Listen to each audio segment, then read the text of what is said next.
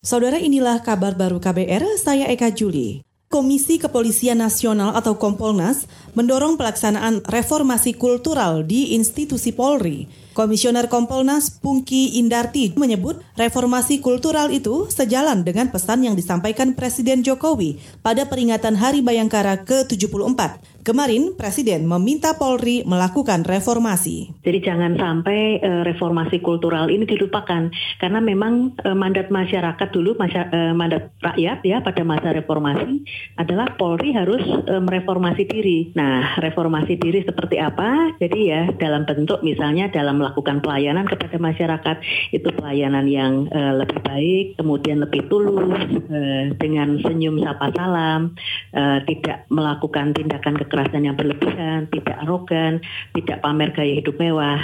Komisioner Kompolnas atau Komisi Kepolisian Nasional Pungki Indarti juga menambahkan, Polri juga harus meningkatkan profesionalitas dan modernitas dalam mengemban amanat mengayomi dan melayani masyarakat di seluruh tanah air. Selain itu, Pungki juga mengapresiasi kinerja Polri yang lebih humanis saat mengawal penegakan aturan pembatasan sosial berskala besar atau PSBB dan penanganan pandemi COVID-19.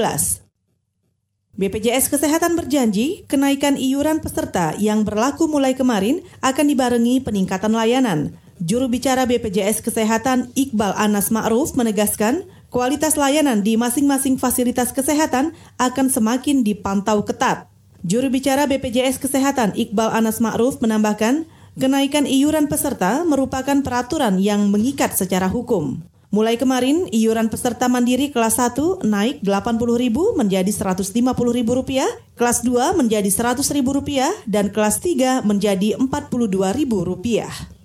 Saudara polisi Australia mendirikan pos pemeriksaan kesehatan di pinggiran Melbourne untuk menahan penyebaran pandemi COVID-19. Menteri Kesehatan Federal Australia, Greg Hunt, mengatakan pos pemeriksaan mendesak untuk didirikan karena lonjakan kasus positif COVID-19 di negara bagian Victoria. Greg juga menyatakan, untuk sementara Victoria terpaksa harus berstatus lockdown atau karantina wilayah.